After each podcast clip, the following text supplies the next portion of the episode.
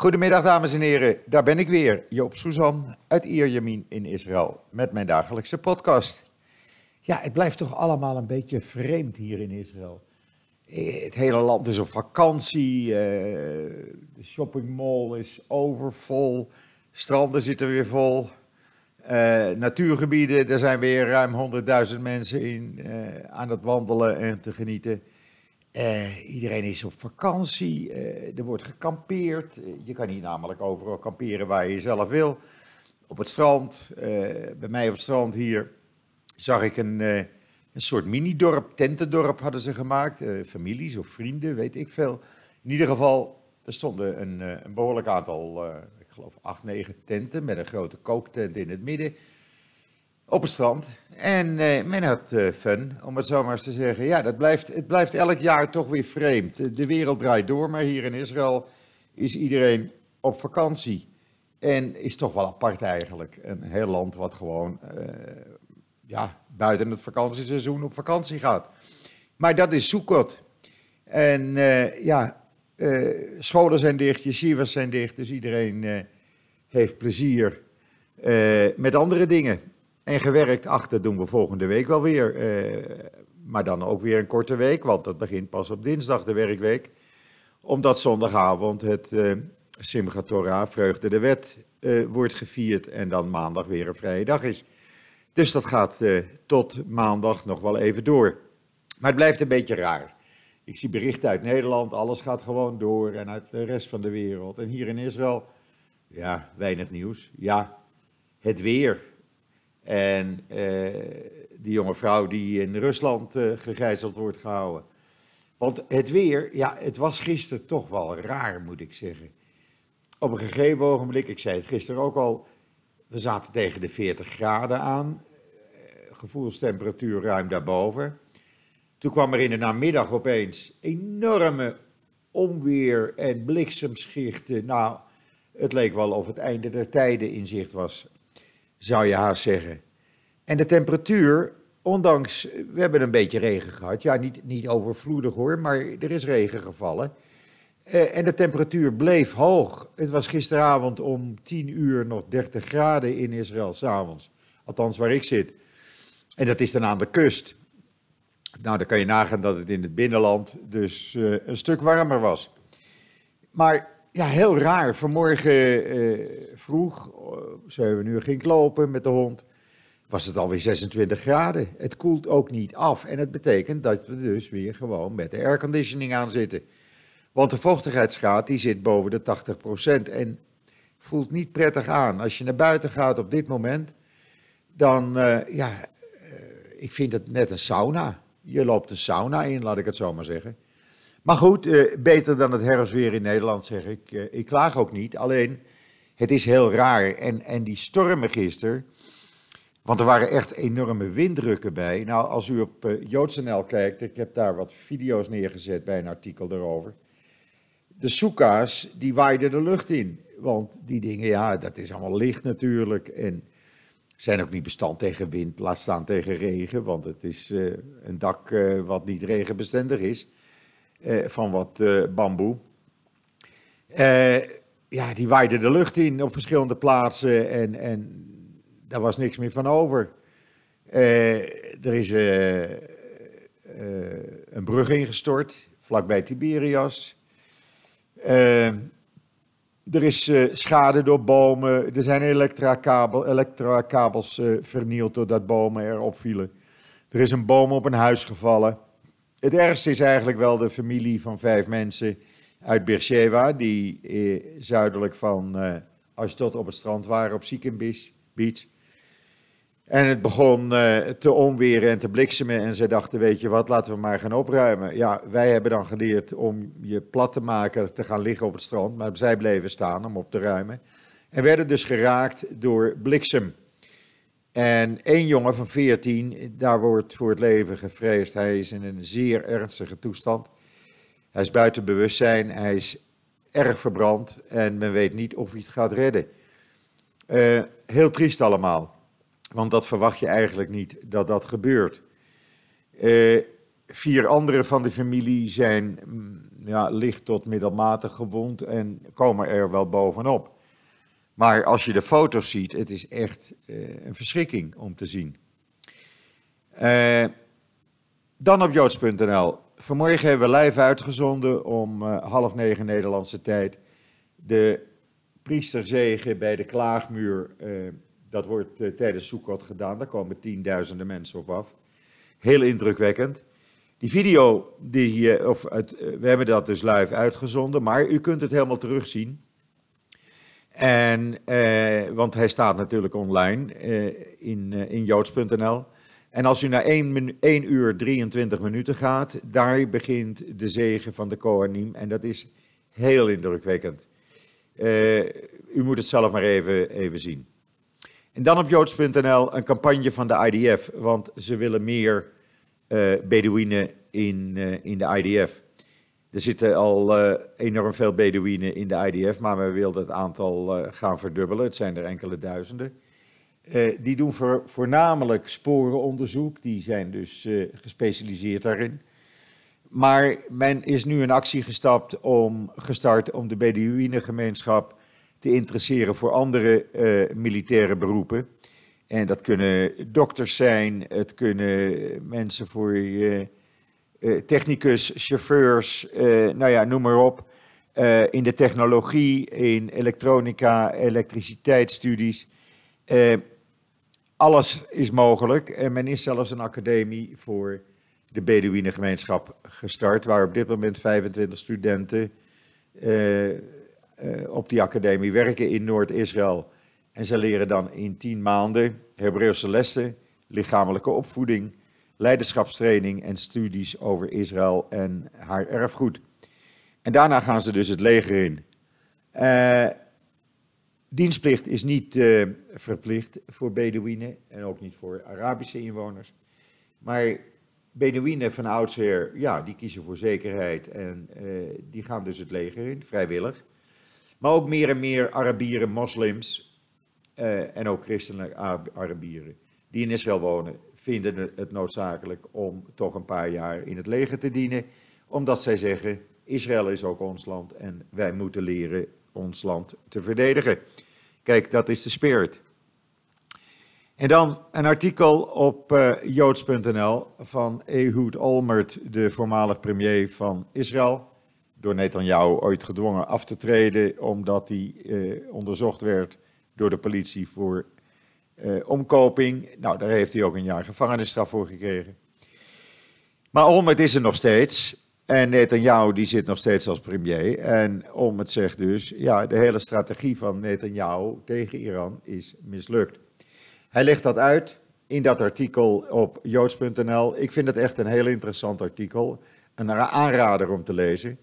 Hij zegt, want onder andere waar Netanyahu zich concentreerde op de nucleaire dreiging van Iran, uh, ging dat ten koste van uh, het tegengaan van de penetratie van Iran in Syrië. Zodat we nu Iran, die Iraanse leger, aan onze noordgrens hebben.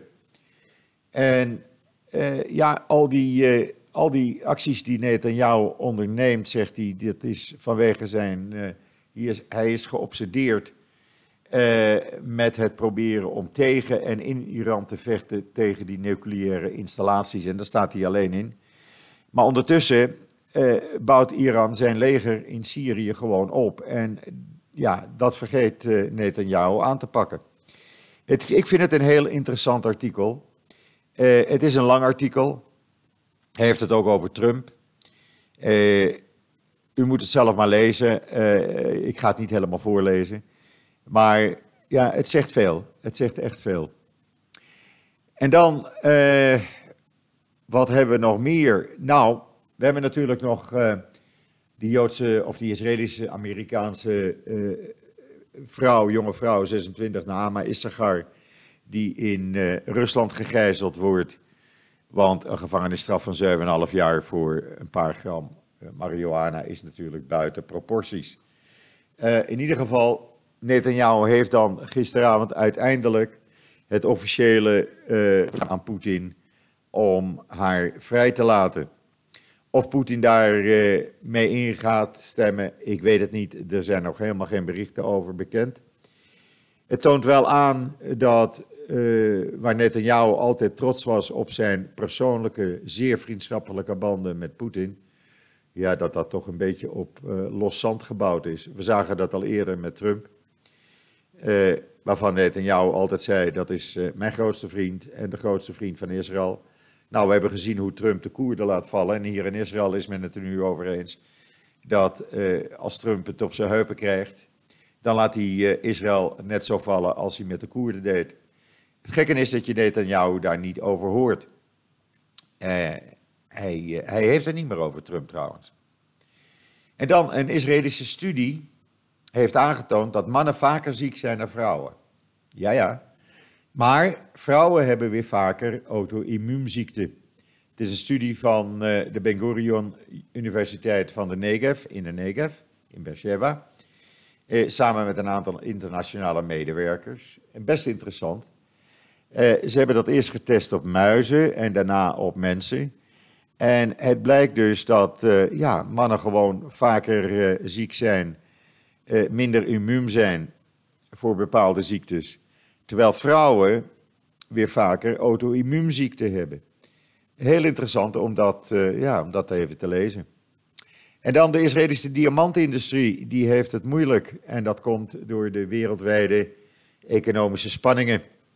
De export dit jaar is tot nu toe al met 22% gedaald. En dat is niet niks. Eh, dan praat je echt het verschil. Ja, uh, tot nu toe is er 2,62 miljard dollar omgezet in de diamantindustrie. Terwijl het verleden jaar al 3,32 miljard was. Dus een aanmerkelijk verschil. Dat heeft ook te maken met uh, de spanningen in uh, Hongkong. Waardoor er minder Chinezen naar Hongkong kunnen om daar diamanten te kopen. Dat deden ze, rijke Chinezen graag. En de export en import van diamanten in Israël is al met 28% gedaald. Vergeleken weer met de eerste negen maanden van verleden jaar. Ja, dat is toch een, eh, een behoorlijke uh, daling. En dat heeft ook zijn impact op de Israëlische economie. Die is gisteren trouwens alweer bijgesteld. Zal minder hoog groeien. Men had eerst 3,5% voor dit jaar in gedachten. Toen heeft men dat teruggebracht naar 3,4, toen naar 3,2. En nu zegt men, economie in Israël, nou, als het 3% is, dan zijn wij al lang blij. En dan op joods.nl uh, uh, een artikel met foto's van het traditionele bezoek van president Rivlin aan de soeka's van de beide opperrabijnen. U weet, in Israël hebben we twee opperrabijnen, eentje voor de Ashkenazim, de Europese Joden, en eentje voor de Sephardim, de, uh, midden, de Joden uit Spanje en het Midden-Oosten. En hij, uh, ja, de traditie wil dat hij uh, beide opperrabijnen dan bezoekt. En dat heeft hij nu ook gedaan. Ook op joods.nl een aantal video's van een brand die vanmorgen gewoed heeft in het centrum, echt het centrum van Jeruzalem. Als u wel eens in Jeruzalem bent geweest, heeft u ongetwijfeld over Ben Yehuda Street gelopen. Die voetgangersgebied uh, met vele souvenirswinkels en restaurants. Vlakbij vanaf Jaffa Street. En daar heeft een brand gewoed. Eén persoon is zeer ernstig gewond. En ja, er zitten wel dramatische beelden bij van een vrouw die uit haar raam roept: Help me, help me, want anders verbrand ik. Gelukkig komt de brandweer er op tijd bij om haar te redden. Je kunt het allemaal zien op de video's op joods.nl. En dan, doordat wij al sinds december eigenlijk eh, een demotionaire eh, regering hebben, die dus geen beslissingen en besluiten neemt, nemen de producenten van voedsel en andere artikelen in Israël een kans waar. Want de club van Netanyahu kan niks doen. Eh, en de prijzen die lopen gestadig op van allerlei producten. Ik merkte dat trouwens zelf ook. Ik, je koopt hier keukenrollen, die zijn verpakt in een, uh, met zes in een pak. En uh, daar betaal je zo rond de 10 shekel voor. Als het in de aanbieding is 8,99, maar laten we zeggen 10 shekel. En het viel mij op dat ik ook weer 10 shekel betaalde. Maar de rollen waren de helft kleiner in formaat. Dus eigenlijk betaal je gewoon voor minder, betaal je meer. En dat zie je met heel veel producten. Eh, de botercrisis in Israël is nog steeds niet opgelost. Je kan geen boter krijgen. Ja, er ligt wat boter, dat heet dan euroboter. Waar het vandaan komt, ik weet het niet. Ik geloof uit Finland of zo. Uh, maar Israëlische boter is niet te krijgen. Omdat, uh, ja, ze willen de prijzen verhogen. De winkeliers die zeggen geen, nee, dat doen we niet. We gaan de boter niet voor een hogere prijs verkopen. Het product is hetzelfde. En we gaan het niet 10, 20 procent verhogen. Dus er wordt niet afgenomen. En er is dus gewoon geen boter in Israël. Maar ook een aantal andere producten zijn gewoon, die zijn er gewoon niet. Uh, laatst was er geen kip. Ja, dan denk je van, hoe kan dat nou? Maar ja, het heeft allemaal te maken met prijzen. En de regering doet daar niks aan, want de regering kan er niks aan doen, want die hebben geen mandaat meer. Uh, worden niet gesteund door de huidige Knesset. Dus het is een politieke bende. En Netanyahu doet net, op zijn neus bloed. En uh, geeft zijn mandaat niet terug, terwijl hij weet dat hij geen regering kan vormen. Hij wacht ermee waarschijnlijk tot de allerlaatste dag, volgende week donderdag, de 24 oktober. Ja, uh, op die manier blijven we nog een, een, paar maanden zonder regering. En ja, dat kan gewoon niet. Dit kan gewoon niet. En ik vind dat Netanyahu zijn eigen belang nou maar eens een keer moet laten varen. Zijn tijd is om. Geef een ander de kans en laat een normale regering gevormd worden. Eh, dan ga je maar eh, eh, lectures geven. Dat heb je vroeger ook gedaan, net jou. Je verdiende daar eh, tien jaar geleden 50.000 dollar voor elke spreekbeurt mee. Dus ga je dat maar doen een paar keer per maand. Dan eh, kan Sarah ook weer eh, haar geld uitgeven. Maar goed, deze situatie is gewoon niet normaal, de politieke situatie. En dan op mijn timeline heb ik gezet dat gisteren kondigde ik aan dat Netanyahu besloot, twee dagen voordat hij zijn mandaat terug moest geven, toch naar Japan te gaan. Want dan schijnt die keizer uh, ingehuldigd te worden. Nou, daar kwam natuurlijk enorm veel ophef van in het land. Want hoe kan iemand naar Japan gaan terwijl hij uh, een regering zou moeten samenstellen en zijn mandaat niet teruggeeft? Nou, hij heeft besloten waarschijnlijk toch maar niet te gaan. Eh, we zullen het zien of hij volgende week met Sarah op het vliegtuig stapt of niet. Het zou een godsbewezen, vind ik zelf. En dat ik niet alleen, het halve land. En dan een Palestijn die in 2018 in Bonn de keppel van een Joodse professor van zijn hoofd sloeg en hem een paar keer tikken in zijn gezicht gref. Die Palestijn mag 4,5 jaar op staatskosten van Duitsland uh, zijn tijd in de gevangenis door, doorbrengen. Kijk, dat vind ik nou eens een keer een straf. En dan Duits-Turkse voetballers, ja hoor, ze hebben ook het militaire saluut gegeven, zoals het nationale Turkse elftal dat deed, om uh, de soldaten te, uh, als support voor de soldaten die de Koerden aan het uitmoorden zijn. Nou, ik vind dat een grof schandaal. Mag ik dat vinden? Ja, dat mag ik vinden. En wat doe je als je in Irak tegen corruptie gaat demonstreren? Nou, dan ga je met duizenden roepen no tegen Israël. Wat dat er nou weer mee te maken heeft, ik begrijp het niet helemaal, maar u kunt het zien op mijn timeline. En dan is er opnieuw een Arabier doodgeschoten in een Arabische stad, weer in Umm al-Fahim. Dat is de 75ste Arabische dode dit jaar. En daar moet echt wat aan gedaan worden. Uh, er zijn te veel wapens in, uh, in omloop in die Arabische gemeenschap. En bij het minste of geringste wordt het niet met de handen uitgevochten, maar wordt er een wapen getrokken en wordt de ander doodgeschoten. Nou, dat kan gewoon niet. Maar ook dit heeft weer te maken met het feit dat er geen regering is, want er kan geen besluit worden genomen. En de politie zegt, ja, wij willen wel, maar onze handen zijn gebonden. Wij moeten steun hebben van de regering en de middelen daarvoor krijgen. En zo blijf je in een kringetje rondlopen en de ene Arabier naar de andere wordt om niets doodgeschoten. Een groot probleem dus. En dan is er, eh, alsof we nog, nog, niet genoeg problemen hebben, ja hoor, er is bonje tussen de opperbevelhebber van de IDF en de minister van Buitenlandse Zaken, meneer Katz. Want meneer Katz heeft informatie van de IDF-opperbevelhebber eh, van een vergadering heeft hij aan journalisten gelekt, dat is bewezen. En de IDF-baas die pikt dat niet meer en die zegt op deze manier kan ik geen overleg meer met de minister van Buitenlandse Zaken doen, want ik ben niet zeker van wat er nu weer in de krant komt. Ja, u ziet, het is eh, in Nederland een zootje, het is in andere landen een zootje. Maar in de politiek is het ook in Israël uh, een zootje, om niet te spreken van een bende. Even een slokje water. Uh, ja, en dan, uh, ik had het gisteren al gezegd dat ik een beetje druk zou zijn gisteravond. En inderdaad, er is gerepeteerd voor het uh, Memorial Concert, het huisconcert, wat volgende week weer voor de derde keer wordt gegeven, volgende week zaterdagavond. Uh, ter, in memory of mijn overleden meisje. En ja, het was fantastisch. Oh, ik kijk er zo naar uit. Ik verwacht dat er, ja, ik weet niet hoe ik de mensen ga moeten plaatsen.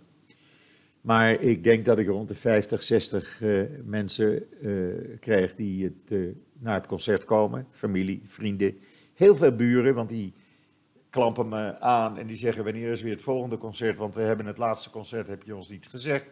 En we willen er graag bij zijn. Nou, kom maar op. Het balkon is vergroot, is verdubbeld, dus daar kan ik ook wat mensen plaatsen en de deuren open houden.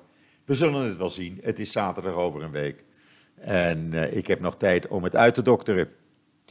Ja, en dat brengt mij ook alweer naar het einde van deze podcast. Ik zei het al, er is weinig nieuws. Er komt straks nog wel een aantal uh, berichten op joods.nl, zoals u gewend bent natuurlijk.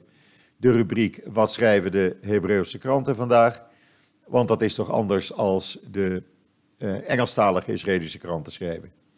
En ik merk dat die echt door honderden mensen wordt gelezen. Uh, het loopt tegen de duizend zelfs. En dat vind, uh, ja, dat vind ik fijn. Het is uh, leuk om te doen, leuk om dat allemaal te vertalen. En met een beetje humor uh, het nieuws, zoals het in Israël verschijnt, in de media aan u door te geven. Rest mij nog u een hele fijne voortzetting van deze woensdag, de 16e oktober alweer, toe te wensen. Stefan Stassen zou zeggen, het is de allerlaatste 16e oktober 2019 en daar heeft hij gelijk aan. Wat mij betreft... Eh, ja, zoals altijd, tot ziens, tot morgen.